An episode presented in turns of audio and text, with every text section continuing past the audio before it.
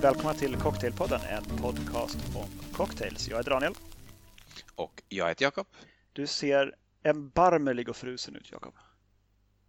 Ja, tack så mycket. Det är ju snällt som, att... Som barnen på Frostmofjället. Det är snällt att du säger det, trots att jag vet som att knyttet. du skarvar lite grann. Eftersom vi ju inte kan se varandra eh, denna, denna inspelningsdag.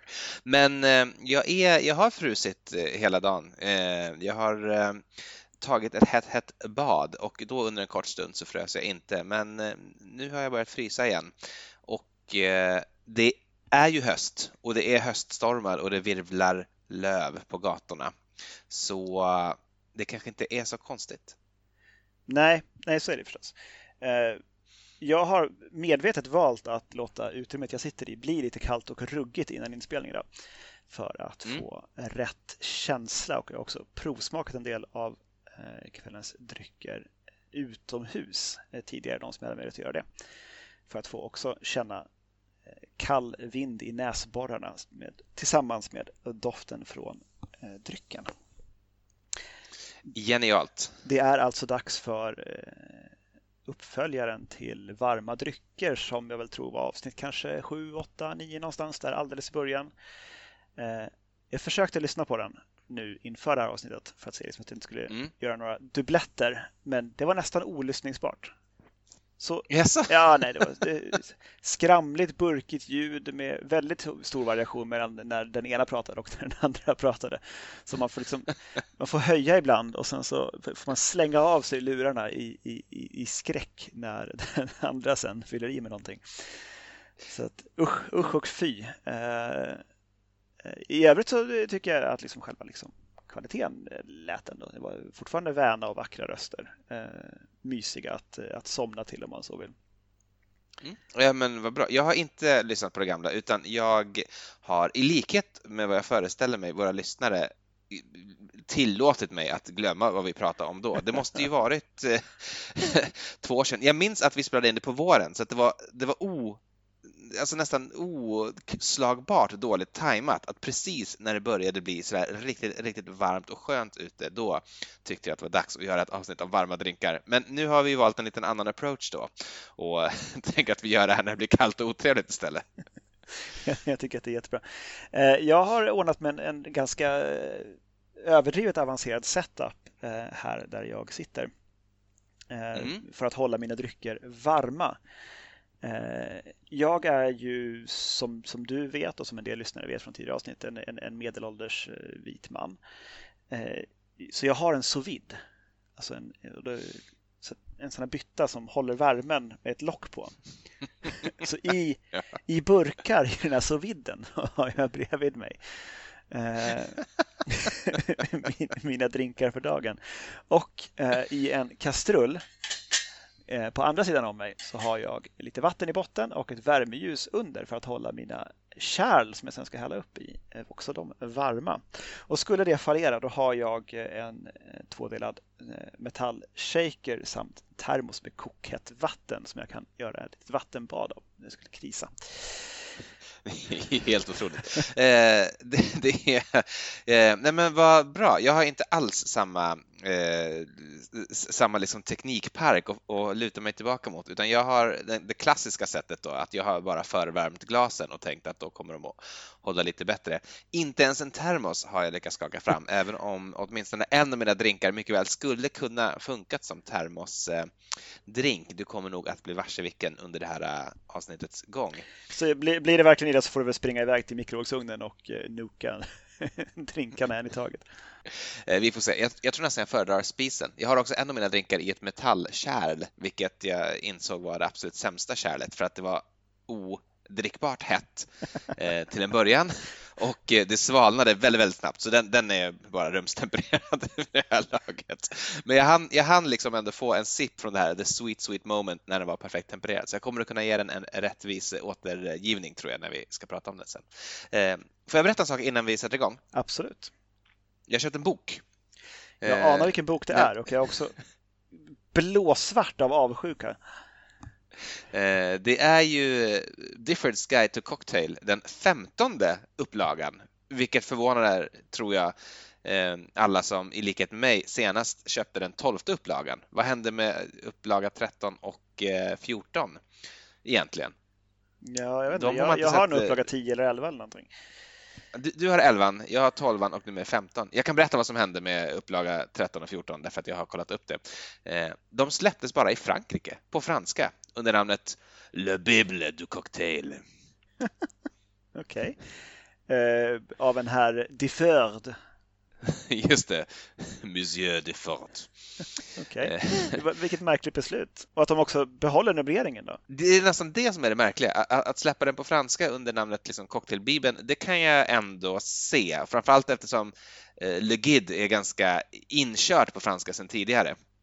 Eh, liksom, det, det, finns redan ett ganska starkt varumärke i, i mat och dryckbranschen eh, som kallar sig för Le Guide. Så, så det, det, kan jag, det kan jag förstå då, men eh, varför de behöll numreringen, ja, mycket märkligt. Hur som helst, den kom igår och vi har hunnit bläddra i den, dock inte blanda till någonting från den. Men den är väldigt fin, väldigt tjock och eh, sprängfylld med nya jättespännande ingredienser. Äh, Eh, recept som jag verkligen, verkligen, verkligen längtar efter att få börja testa. Så det ska bli superkul. Och allt det här finns väl egentligen gratis på hemsidan, men det är något. Det är något med att sitta och bläddra i en bok och eh, jag är ju som du vet och som någon av våra lyssnare kanske vet bibliotekarie så att liksom att ha en bok att bläddra i det är oslagbart för mig. Så väldigt glad för det. Ja, och sen med, med månaderna och åren som går sen så kommer man ju att se vilka sidor som har varit uppslagna mest. Eh, som till exempel eh, Grand Sazerac-sidan i, i, din tidigare upplaga som är helt nedstängt med Angostura Bitters. Helt nedstängt, totalt, totalt nedsälad. jag, jag tycker det är spännande att höra sen, eh, det kan vi kanske prata om en annan gång, men eh, vilka spritmärken han nu har sålt sin själ till i och med att det alltid står spesat exakt vilken gin det ska vara och i den upplaga jag hade tror jag det var Rutte Dry Gin, en nederländsk gin. Eh, sen så tror jag det var någon mm. annan i din version och eh, säkerligen någon fransk gin i eh, de här två Cocktail Bible upplagorna och nu då säkert någonting nytt. Precis, det skulle jag kunna kolla upp. Eller för den delen, jag kan väl bara slå upp ett recept på måfå. Något med gin lär man väl kunna hitta. Kettle One Vodka. Det är faktiskt Rutte igen. Det är Rutte ja. Dry Gin. Eh, Kettle One var det också väldigt mycket i upplaga 11. Skitsamma, eh, mm. vi, vi behöver ta oss till, till ämnet. Ehm, jag skulle vilja haspla fram en, min första drink för kvällen. Så, ska vi få, vänta. Det kommer att låta mycket av klinkande och klankande här, men så det får folk stå ut med. Ja, men det är just den typen av autenticitet som jag tror att man vänder sig till den här podden för, så klonka och klinka och klanka på bara. Precis. Eh, rena rama P1 Naturmorgon. När de alltid springer igenom en 7-8 buskage som prasslar så att man måste stänga av radion. Eh, åh nej, mina etiketter har blivit uppblötta. Vilken, vilken, vilken miss. Eh, där ska vi inte ha... Där ska vi inte ha... Där har vi den! Mycket bra. Aj, aj, aj, aj, aj, aj, aj. röven. Jag har ställt in min sous balja lite varm tror jag. Jävlar.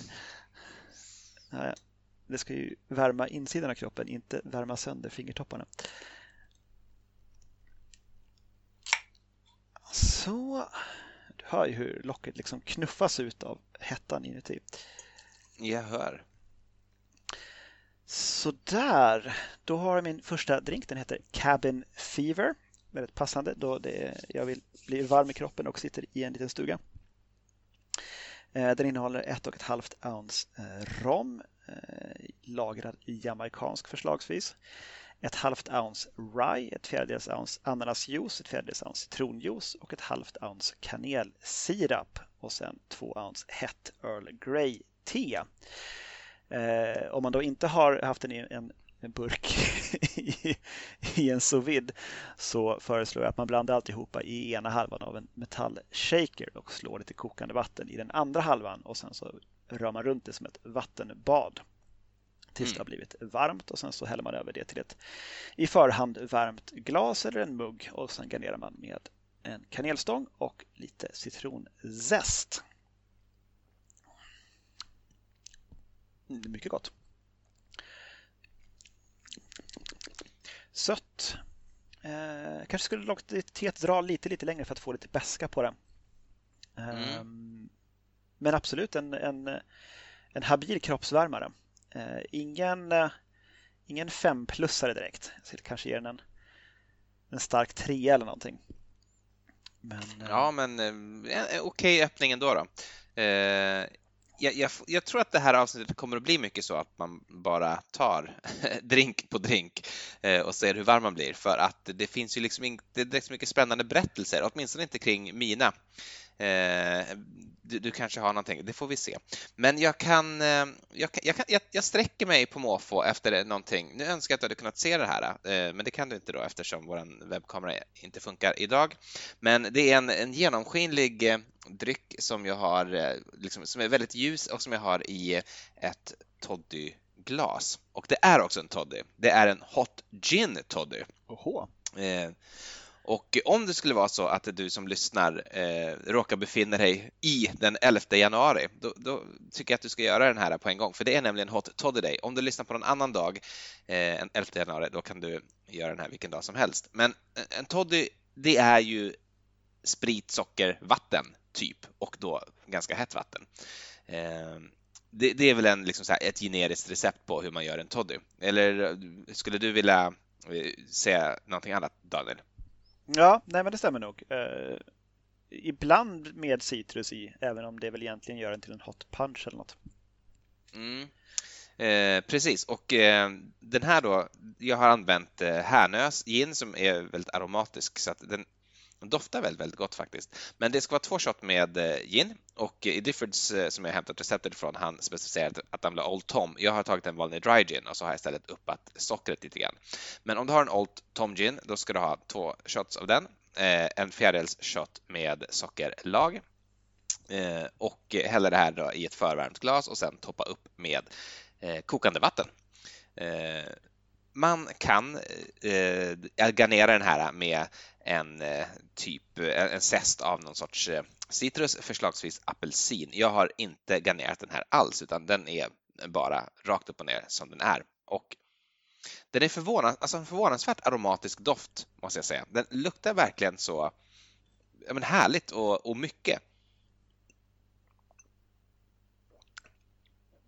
Och är ju också förvånansvärt otråkig. Det, är, det här är ett, Man tänker att lite, att lite utspätt gin och socker, alltså vad kan vara dystrare? Men det är inte alls dystert.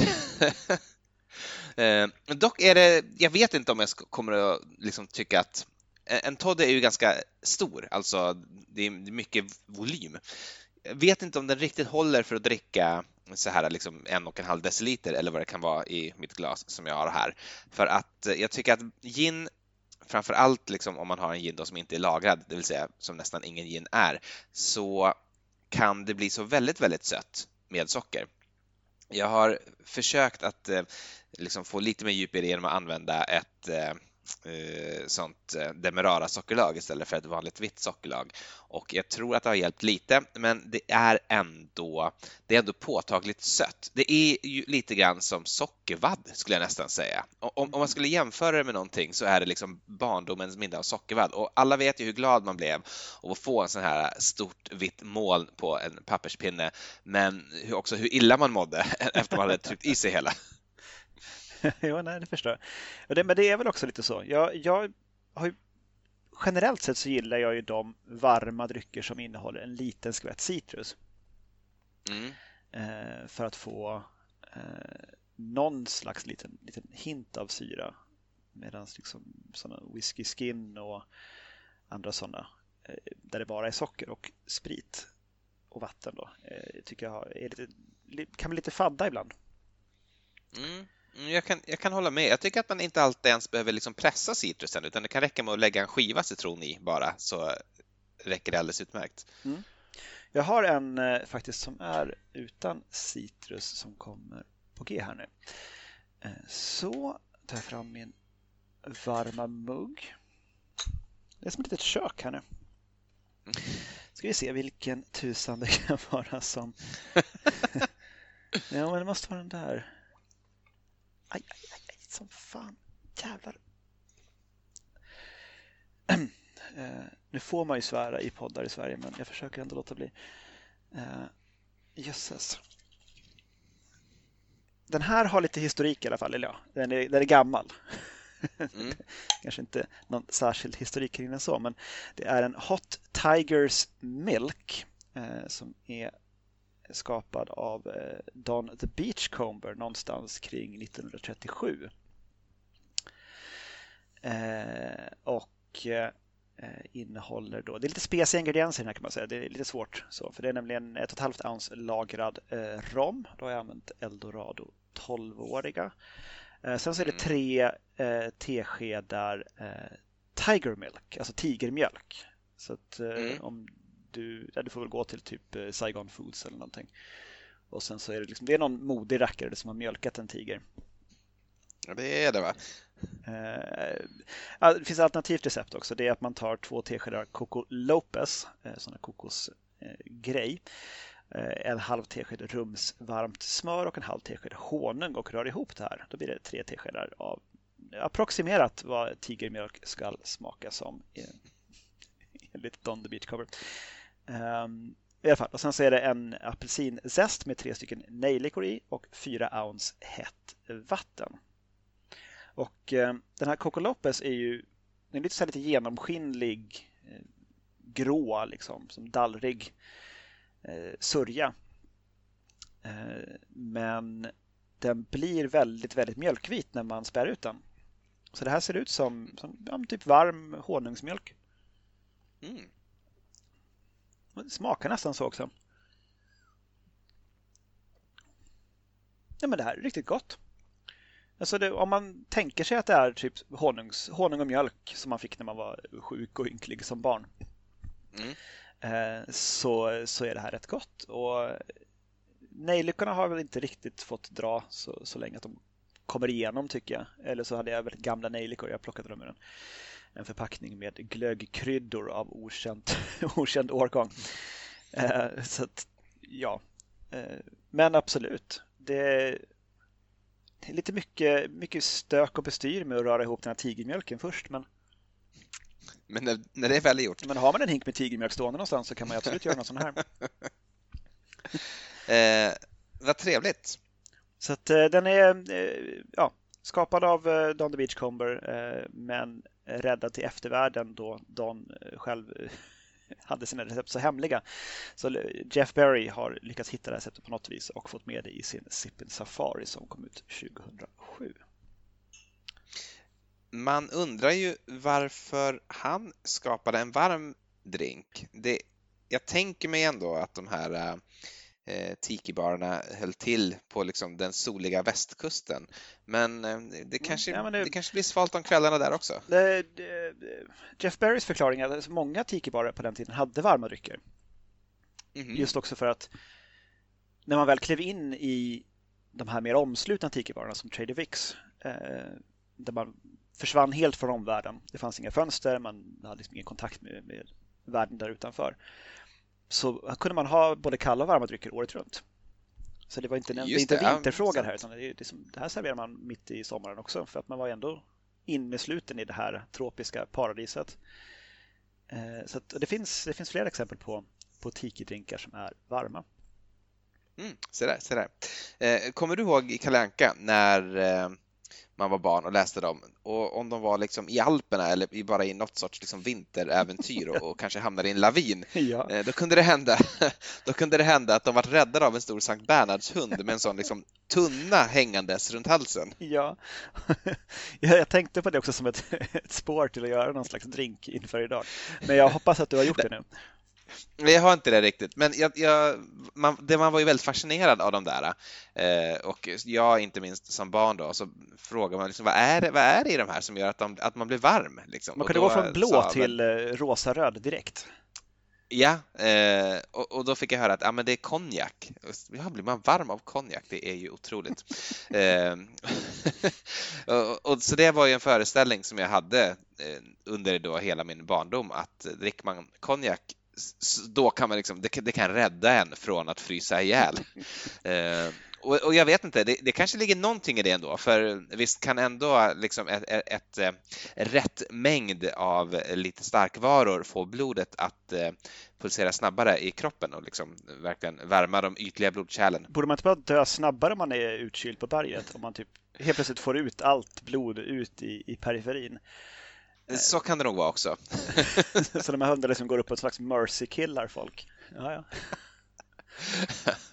ja. um, av, av det här skälet, det här var ett långt intro som du kommer att höra nu inte speciellt relevant för att det, det har egentligen ingenting med de här hundarna att göra, min nästa drink. Men den har konjak i sig, eh, vilket jag ändå tycker på något sätt eh, är the ultimate winter warmer, liksom, ska, ska innehålla konjak. Och det här är inte ett recept som jag tror att du har stött på någonstans, för det är, det är någorlunda hemmagjort.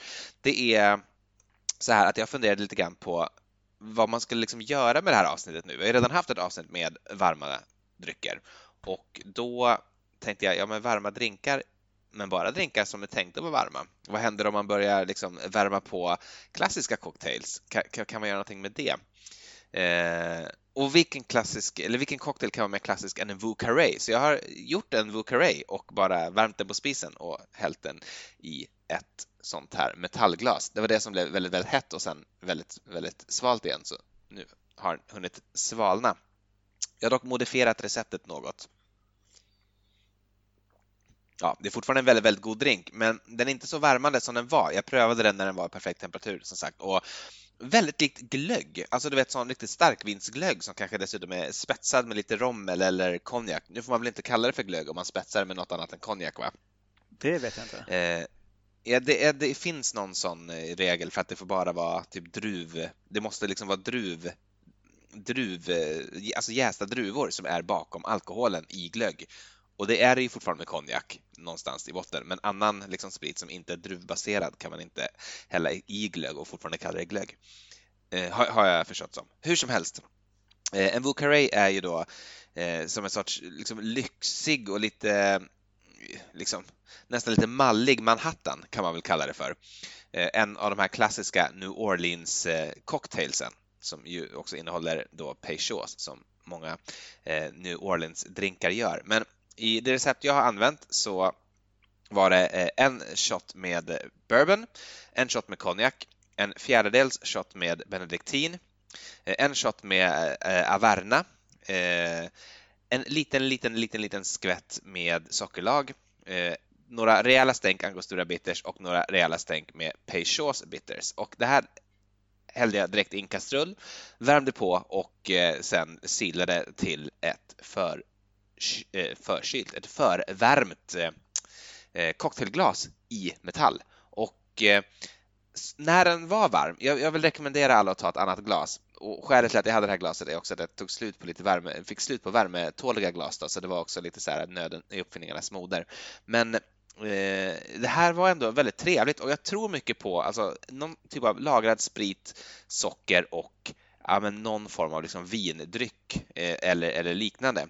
Det blir en jäkla potent glögg och det är riktigt, riktigt eh, mysigt. Och gärna benediktin, gärna Averna. Eh, jag ger ändå det här ett gott betyg. Jag säger fyra av fem och fem av fem som ren, som ren vintervärmare. Eh, så det är lite upprättelse för de här Sankt Bernhards-hundarna och deras eh, tunnor. Men de kan ju inte haft varma drycker i sina tunnor, eller hur?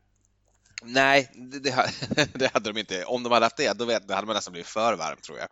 Men, men åtminstone liksom, så varma som kroppsvärmen från en stor, stor liksom Sankt Bernhards. Ja, i och för sig. Det kan ju ändå vara ganska nice.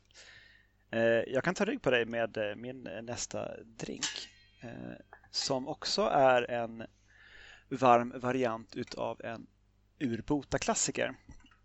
Även den med New Orleanska förtecken. Så, då har jag mitt varma Rocksglas där. Då ska jag bara skölja detta i lite absint. Kanske du anar vartåt, vartåt ja, släden ja, ja, barkar. Jag har en gissning, men jag ska låta dig säga det själv.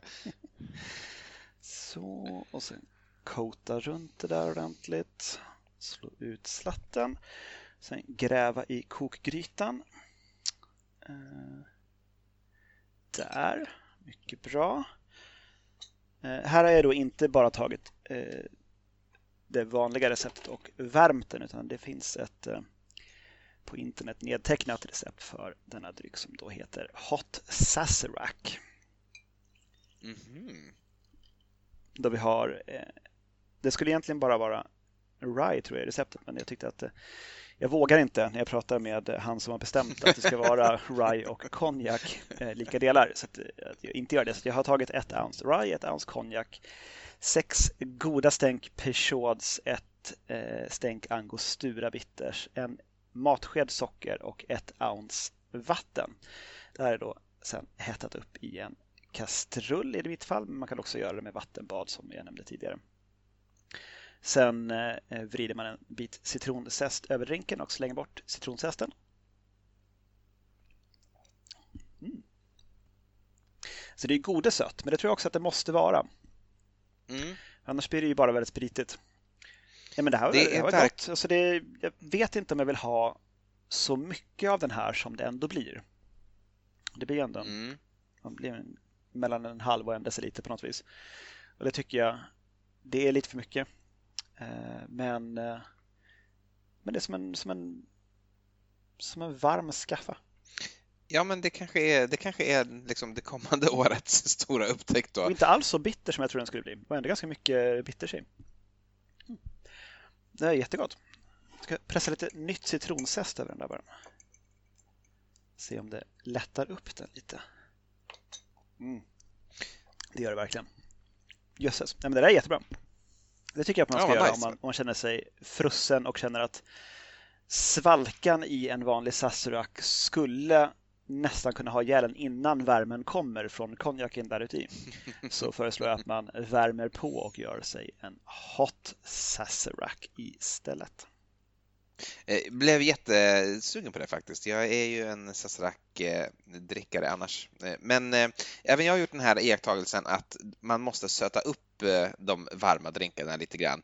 Jag prövade i veckan bara att värma på en helt vanlig Manhattan, men det funkar inte riktigt. Det blir ja, verkligen att det blir liksom alltså, sprit utan socker eh, alltså som är sådär spritigt så att det sticker i näsan, mm. är inte så angenämt. Men av någon anledning så funkar det om det också liksom kombineras med eh, en väldigt, väldigt, väldigt mycket sötma på tungan. Jag är inte helt på det klara med varför, men jag konstaterar att det är så i alla fall. Så eh, om man ska göra liksom klassiska cocktails och värma på dem så är det nog en bra idé generellt att eh, söta till dem lite grann. Jag håller helt med. Eh, jag, du har pratat en del om i den här podden, tror jag, och även när vi bara pratat privat om Hot Buttered Rum. Eh, och det är väl efter det här recept på flaska, va, då du gjorde det? Eller har jag helt blandat upp det här nu? Nej, Hot Buttered Rum var faktiskt med i första eh, varma drinkar-grejen. Eh, det var så, så då? är det, ja. det är Myers Hot Toddy du tänker på. Så är det. Som visserligen inte är en toddy, men som ändå, ja du förstår. Eh, men jag har i alla fall, jag har aldrig druckit de här liksom smörade drinkarna och eh, tänker ofta att ja, men det borde jag ändå göra. Eh, så det har jag gjort nu. Nu tog jag tillfället i akt och har gjort en, en buttered en buttered cocktail och jag kunde inte göra samma som du då så att jag har gjort en hot buttered whisky mm. som ju i princip är en toddy med lite smör i. ja, smör och kryddor och så. Ja, det här är som du kommer att se i princip bara, det är lite kryddor också i och för sig. Eh, det här är hämtat från Difference Guide och det är eh, så att man i ett förvärmt glas lägger ner en liten klick smör och eh, två shots med whisky och tre fjärdedels shot med sockerlag. Det här ska man sedan då röra runt bäst man kan och sen toppa upp med kokhett vatten. Och när man häller på det här heta vattnet då smälter ju smöret och om man rör och rör lite grann så att, eh, så att eh, smöret liksom kommer i kontakt med mer och mer hett vatten så blir det liksom Ja, men drycken blir smörad på något sätt. Den blir ju eh, grumlig och eh, fet. Eh, och det, funkar, det, det funkar verkligen. Eh, I slutet ska man också strö över lite muskot på toppen och där har vi kryddorna då. Eh, det här har jag gjort i ett toddyglas och jag har redan smakat på den och kan säga att jag gillar verkligen det här. Det är så otroligt konstigt att man ska ha smör i sprit, men eh, det funkar. Det funkar jättebra. Diffords säger använd osaltat smör. Jag har inte haft något osaltat smör för att det är ju en otrolig spesprodukt i det här landet. Det är ju vanligt i många andra länder, men inte i Sverige, utan har tagit helt vanligt saltat smör och jag vill säga det är inget fel att använda vanligt saltat smör. Letar inte blå efter os osaltat smör, utan det funkar jättebra med salt. Ja, men vi har varit inne på att det, det, en, en gnutta salt i en drink i, i alla fall är ju, är ju en bra idé. Ja, Så precis. Jag, jag har också alltid använt saltat smör. Och det här blir ju nästan, alltså whisky och smör och socker blir ju någon sorts karamell. Eh, det här är den liksom mest, konstigt nog nästan den mest insmickrande eh, av mina drinkar idag tror jag. Eh, du som ändå har, kan, tror jag kan ha lite koll på den här drinkens historia. N när börjar man smöra drinkar? Var kommer det ifrån egentligen? Det vill jag minnas från när vi pratade om det sist att det, det är gammalt. Det är 1700-tal i England. Eh, oklart varför, annat än för att det kanske är nyttigt. Om man vill få i folk lite mat. Eh, jag...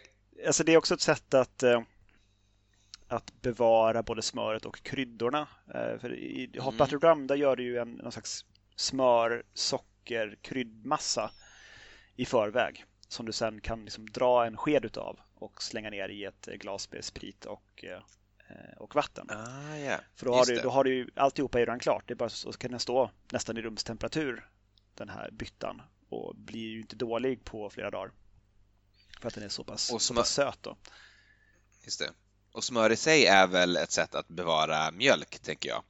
Eh, ja. Och det ligger väl nära till hands att tänka att eh, mjölk har man sett i det här, på den här världsdelen, åtminstone i Europa, som någonting nyttigt och eh, näringsrikt och eh, som inte håller liksom hur länge som helst. Men med, med smör då, det här är kanske Ja, men istället, jag kan tänka mig att det här verkligen är istället för att ha mjölk i en toddy. Vilket ju också är ett sätt att göra toddy. Man kan ju göra en toddy på mjölk lika gärna som på vatten. Jag har hört om folk som har haft smör i kaffe och sånt istället för mm. mjölk eh, förr i tiden. Jag tänker att det måste vara samma. Det måste vara det. Det låter knäppt, men eftersom det här funkar så vill jag inte döma ut det utan jag, jag kanske nästa gång jag går på café ska fråga var de har kaffesmöret. Herregud. Alltså, peak Södermalm. På något vis. Eh, mm. Jag skulle vilja ha min, eh, min, min franska smörlatte, tack. Café au beurre. Exakt. Oh, fy. Um, jag har en, en, en dryck med mjölk faktiskt som jag eh, skulle vilja, eh, vilja ge mig på. Där har vi den. Så. Nu börjar det bli lite plottrigt på mitt bord här. Med byttor och grejer. Så har jag en liten kaffekopp med små vackra höstlöv på. Och sen har jag schackrutekakor, sådana småkakor som är ganska oimponerande smakmässigt men som har det roliga att de är formade som schackrutor med två mörka och två ljusa fält. Ja, det är de ja. Jag känner till dem. Så, den här drinken kallar jag för Honey and Milk. Och eh, här mm. har du två ounce av honungsrom, vilket är en Kanarieöarna-esk grej. Där man blandar Första... rom med honung. Jag, må, jag måste få bryta in där. Det är, tror jag, den första liksom, sprit som jag köpte själv i hela mitt liv var just det, för jag var ju på Kanarieöarna som 18-åring och där fick man ju handla sprit som 18-åring då. Så då köpte du honungsrom? Så jag gick och köp, köpte en flaska på måfå och det visade sig vara någon sorts honungsrom. Så, så du, allting, allt knyts samman. Så du groggade den med cola eller? Uh, jag minns inte, men det är troligt. Det är troligt. ja, men honungsrom och kola. Jag, jag vet inte om, om det um, Det är inte en oäven produkt, ska jag säga. Det är ju rom blandat med eh, honung. Jag trodde, på beskrivningen trodde jag först att det var att man hade gjort rommen på honungssocker. Men så är ju då. Det är gjort på, på sockerrör eller någon annan sockerart. Eh, sen så har man blandat det med honung för en sötare dryck. Så mellanting mellan likör och, och sprit. Eh, I alla fall två ounce utav detta, ett halvt ounce av sån här kondenserad mjölk som är en slags mjölksirap. Väldigt söt mm. historia. Så Jättegott små, tycker jag. burkar. Eh, och sen så 4 ounce av het mjölk. Det här byggs då i kopp och sen så river man muskot över. Mm. Låter jättegott verkligen. Ja, alltså det är verkligen så man tänker sig att gudarnas ambrosia smakar. Mm. Alltså det, det, det är sött på ett nästan bedövande sätt, men det känns inte, det känns inte obehagligt. Det, det blir inte klistrigt, men det är också sött på, på så många olika sätt att hela huvudet på något vis exploderar av det. Ja, det är ju, vad heter det, sa, vem var det nu? Var det Trader Vic eller var det Eh, Don the Beachcomber, men eh, som sa att det, det, en rom inte kan göra kan tre rom göra och det här är ju liksom tre sorters socker så det kanske är vad, vad ett socker inte kan göra kan tre socker göra. Du har ju honung, kondenserad mjölk och eh, ja, vanlig mjölk. Det, det kanske bara var två sorters socker i och för sig. Ja, men, men det är väl så. ändå. Mjölk är ju sött också i sig. Jag tycker det här var jättebra. Ja, det Alltså det här är, och jag ville att det skulle vara på något vis den här, vad säger man, comfort food på något vis av att man var kanske lite sjuk och ynklig när man var liten och fick eh, eh varm mjölk med en skvätt honung i. Eh, mm. Och det är precis den känslan av att nu, nu, nu, nu kommer nog ändå allting ordna sig. Och jag, jag känner att jag skulle kunna bryta här och gå och lägga mig. Bara jag, jag, blir, jag blir väldigt sugen. Både den och Saseracken har verkligen väckt mitt intresse. Får se om jag kommer att klara av att inte göra dem när vi stänger av sen. Eh, troligt, eh, otroligt intressant. Eh, och, vad, förlåt, vad sa du att den här hette? Honey and Milk. Honey and Milk, så sa det. Precis. Ja, låter jättebra. Jag, jag, jag korar inte dagens vinnare utan att ha smakat den själv och utan att vi är klara än. Okej. Okay. Hur mycket har du förresten framför dig? För jag, jag har en, en ja. lite kvar här. Jag har två stycken kvar. Mm, då ska jag hugga en till emellan här, för annars kommer vi otakt. Mm. Eh, då ska vi se, var har vi gjort det här? Mycket bra. Här har jag också en, en, en, en anpassning utav en eh, i podden ofta omnämnd eh, drink som eh, har fått en behandling av värme och lite extra sötma. Eh, så. Där var den. Bra. Den här drinken heter Division Hell. Eh, och då anar du att det är Division Bell som är eh, ursprunget. Och mm. här har du då tre fjärdedels ounce mescal, ett fjärdedels ounce chipotle-infuserad reposado tequila som jag låter ju spesigt avancerat och orkar göra en sån grej. Jag hade kvar det sen vi gjorde ett chili-avsnitt för länge sedan och hittade i kylskåpet. Så det, det, är inte bara att jag har gjort det för ett fjärdedels ounce att lägga i en drink.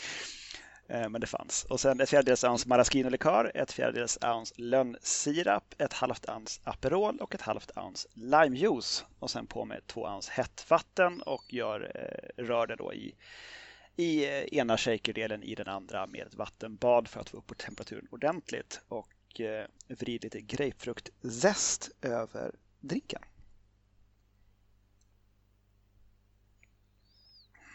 Det där är riktigt bra.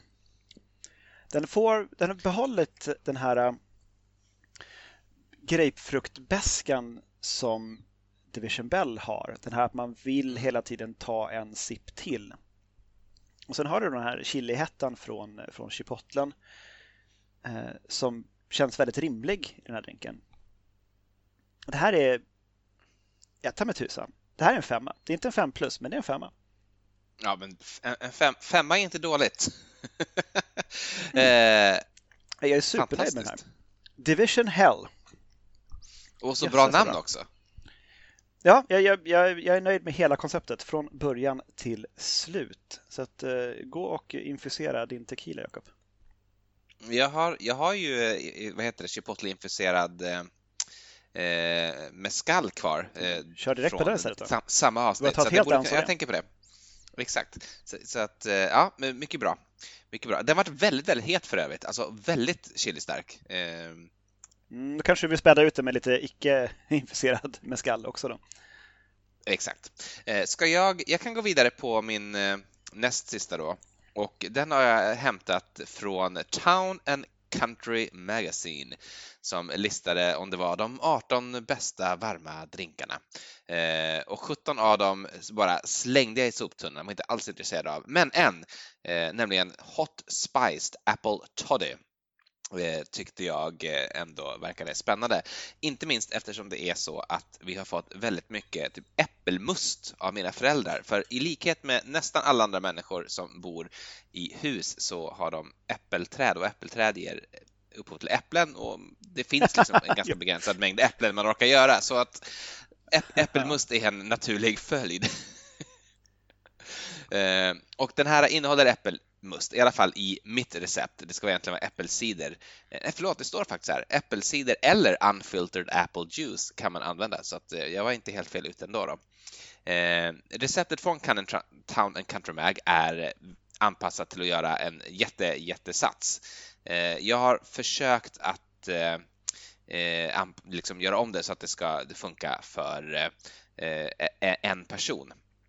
Och jag är inte säker på att jag har gjort alla liksom, proportioner precis likadana som de har. Men jag säger bara det recept jag har gjort för att det, är det som eh, jag sen kommer att utvärdera.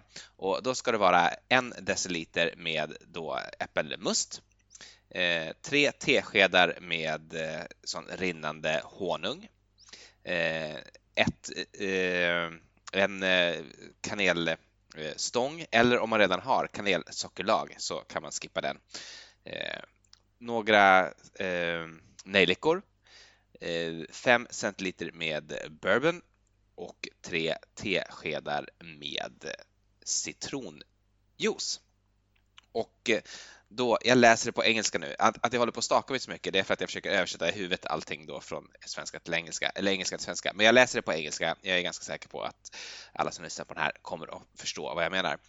In a small saucepan, combine the apple cider, honey, cinnamon sticks, and cloves. Bring to a boil, then remove from heat and steep, covered for 15 minutes. Strain out the solids, then stir the bourbon and lemon juice. Divide eh, Ja, och sen häll det i ett, i ett varmt glas. Men innan vi gjorde det så kan man också värma på det en gång till. Det gjorde jag. Eh, det absolut sista man gör är att eh, garnera med en äppelskiva och en Eh, kanelstång om man har. Eh, jag hade ingen kanelstång alls så att jag tog lite kanelsockerlag som jag hade sedan tidigare istället för en cinnamon stick i då min såspan. Men det kan man göra som man vill. Nu ska jag smaka.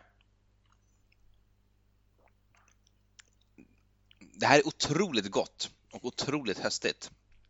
Ehm, I likhet med dig så tycker jag inte att nejlikorna har gett någon så här, de har inte kommit igenom för mycket, men det är bara bra för att jag eh, tycker att nejlikor, om det smakar för starkt, inte är gott. Här finns de som en liten, liten så här, eh, liksom ton i bakgrunden och det är alldeles eh, perfekt. Eh, supergott verkligen och eh, citronen tror jag att man kan jag tycker att man kan smaka på sin liksom, äppelcider eller då äppelmust, vad man nu har. Är den väldigt, väldigt syrlig från början tycker jag man kan skippa citronen helt och hållet. Är den inte det så är det bra att ha lite citronjuice i. I det här fallet så var det bra att ha lite citronjuice i, men det där måste man känna av, så ta de här äh, måttangivelserna med en nypa salt. No pun intended. Okej. Okay. Ja, Men vad kul. Jättegott. Eh, det är, ofta så är det ju eh, Apple cider med i, i sådana här höstiga varma recept. Mm. Eh, har jag märkt. Dock så hade jag ingen Apple cider tillgänglig så att jag, jag fick helt enkelt strunta i samtliga de recepten. Eh, däremot så har jag eh, gode mycket rom hemma så att jag slängde mig på ytterligare ett tiki-recept faktiskt. Eh, mm, med, eh, som heter The Hot Zombie. Som både ska kunna göra en varm och godefull. Mm. Eh, då ska vi se här. Den är skapad av ett romföretag som heter Ron Rico 1941 och sen så är den då nedtecknad för eftervärlden i Sippin Safari av Jeff Berry 2007. Eh, vad tusan är den? Är det där den kanske? Jo då, där står det Hot Z på. Den här smakade jag på tidigare och vart helt blown away hur god den var. Så att jag hoppas att den har hållit sig väl i sin lilla burk. Eh, du har ett ounce ananasjuice, två ounce lagrad rom och då hade jag eh, just med Don Beachcombers Eh, visa ord i huvudet så har jag haft tre olika romer. Eh, Appleton eh, Signature Blend, deras 12-åriga och sen Havana Clubs 7-åriga. I ungefär lika delar. Jag hällde alltihopa i ett mått. Men två ounce lagrade ett halvt ounce passionsfruktssirap, ett halvt ounce limejuice, en tesked rörsocker, fyra ounce hett vatten. Och det här bygger man då i en förvärmd tikimugg eller en glögglas eller vad man nu har. Och sen precis innan servering så tillsätter man en liten gnutta eh, rumstempererat smör som får smälta på toppen. Så det är lite grann en sån eh, rum, eh, buttered rum även här.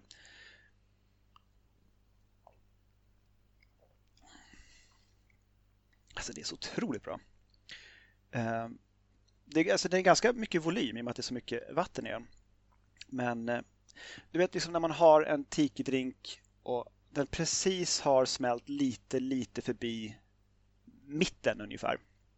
Alltså den krossade isen har precis smält lite mer än hälften av vad den kommer att göra. Eh, och, och balansen liksom på något vis blir helt fantastisk. Det är inte spritigt, det är inte för sött. Eh, och passionsfrukten slår verkligen upp i näsan. Fantastisk eh, värmande drink. Jag lät Emily prova den också innan och hon var alldeles till sig. Oh, till sig! Det är det bästa. Ja, precis. Det är, ett jättebra betyg på en drink. Så eh, den här, den här hamnar på våran, våran hemmameny när vi känner oss ruggiga och ruskiga. Eh, där har ju tidigare Myers Hot Toddy fått segla ensam i och med att också den är så pass lätt att göra. Mm. Men eh, jag tänker att här, man borde kunna göra någon slags allting utom juicerna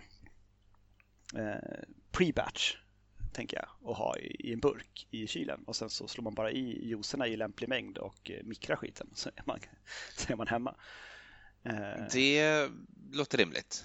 Tänker jag. Det, det, här, det här är en 5 plus. Det, det är en otroligt bra drink. Eh, smöret kan kännas lite weird kanske med, med smör på men nu när den har stått i en burk ett tag på varmhållning så ser jag ju inte ens smöret. Det liksom har försvunnit ut och emulsificerat in sig i själva drycken. Det, det, det är inget skikt ovanpå. Skulle du inte kunna blanda alla juicer och sen liksom frysa in dem i rätt eh, paket också? Så att de, du liksom tar en sån liten kub från frysen och eh, en viss mängd eh, från, från burk. din burk. Då. Mm. Mm. Och sen in i mikron. Ja. Där har du någonting. Då, då är man ju varm i kroppen ganska direkt när man kommer hem. Fan vad fint. vad kul. Nej, men det, förvånansvärt mycket bra varma drinkar i det här avsnittet. Ska jag, säga. Jag, jag, är, jag är jättenöjd för att jag gillar ju egentligen varma drinkar. Ja, jag håller med. Jag håller, eh, jag håller med. Det är ju någonting väldigt tillfredsställande med att inte vara varm och sen bli det. ja, om, om det så är en Sankt Bernhards hund som, som kommer farande med ett konjakskrus runt halsen som en vårvind. Ska jag ta min sista? Det tycker du ska göra. Eh, då är det, det här är lite av en sorts, eh, vad kan man säga, en, en hyllning till Cocktailpodden och en hyllning till eh, hotshots.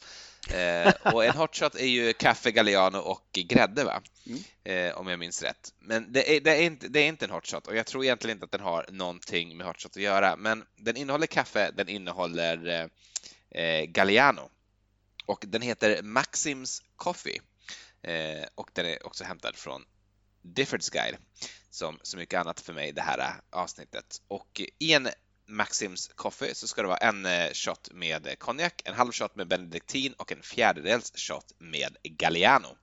Eh, och det här blandar man i eh, ett förvärmt glas och sen så häller man upp till toppen med hett vanligt bryggkaffe. Och eh, ingen garnering, ingenting, utan det, det, ser helt enkelt ut som en, en kopp kaffe, men kanske lite, lite så här svagare än kaffe brukar vara. Men i själva verket så är den ju mycket starkare, starkare på konjak och Benedictino Galliano. Och eh, det här är ju eh, liksom vad heter det, herbal, vad säger man på svenska? Jag tycker örtigt inte riktigt passar, men liksom eh, eh ja, herbal och eh, vanilj och, och konjak liksom, och, eh, och kaffe och det är verkligen eh, det är verkligen inte dumt. det här är liksom en, jag vet inte om jag skulle egentligen se det här som en winter warmer, men det är liksom en lyxig kask eller en, en, en rolig hotshot eller liksom no, någonting i den stilen. En lyxig kask är kanske det jag skulle liksom fastna för. Eh, så näst, nästa gång du liksom tar dig ut till sinken och står i snögloppet för att, för att heja Hammarby liksom, till ännu ett SM-guld i bandy. Alltså, stå inte där med, med liksom en, en vodka-kaffe som en liksom vanlig svennetönt, utan var, var en hipster. Liksom. Acceptera att, att du har valt att kolla på bandy för, för, att du liksom vill känna dig som arbetarklass, men du är inte arbetarklass och gör dig en Maxims coffee istället. Precis, och dö, döna i en rejäl klick med franskt smör i skiten också. Verkligen liksom det är frivilligt. Men det skulle jag vilja säga att mycket av det här som jag har gjort idag skulle jag inte bli jätteledsen över att ha i en, en termos om jag är mm. ute någonstans på, på en, en, längre vandring. Vi har ju nämnt många gånger tidigare att det är ett jättebra sätt att ha en skaffa i en fickplunta eh, om man är ute på, på vandring eller om man är ute och campar eller ute i båten eller vad, vad man nu än gör. Går, går i parken eller något sånt. Eh, mm. Man inte ska eh, ha hand om tyngre utrustning eller så och traktorer eller någonting sånt där så man kan ta sig en liten hutt. Eh, men alltså, när vintern kommer och hösten är som, som allra ruggigast ha en termos du aldrig har kaffe i och ha, jag menar, ha en hot zombie i den. Det är ju inte fel.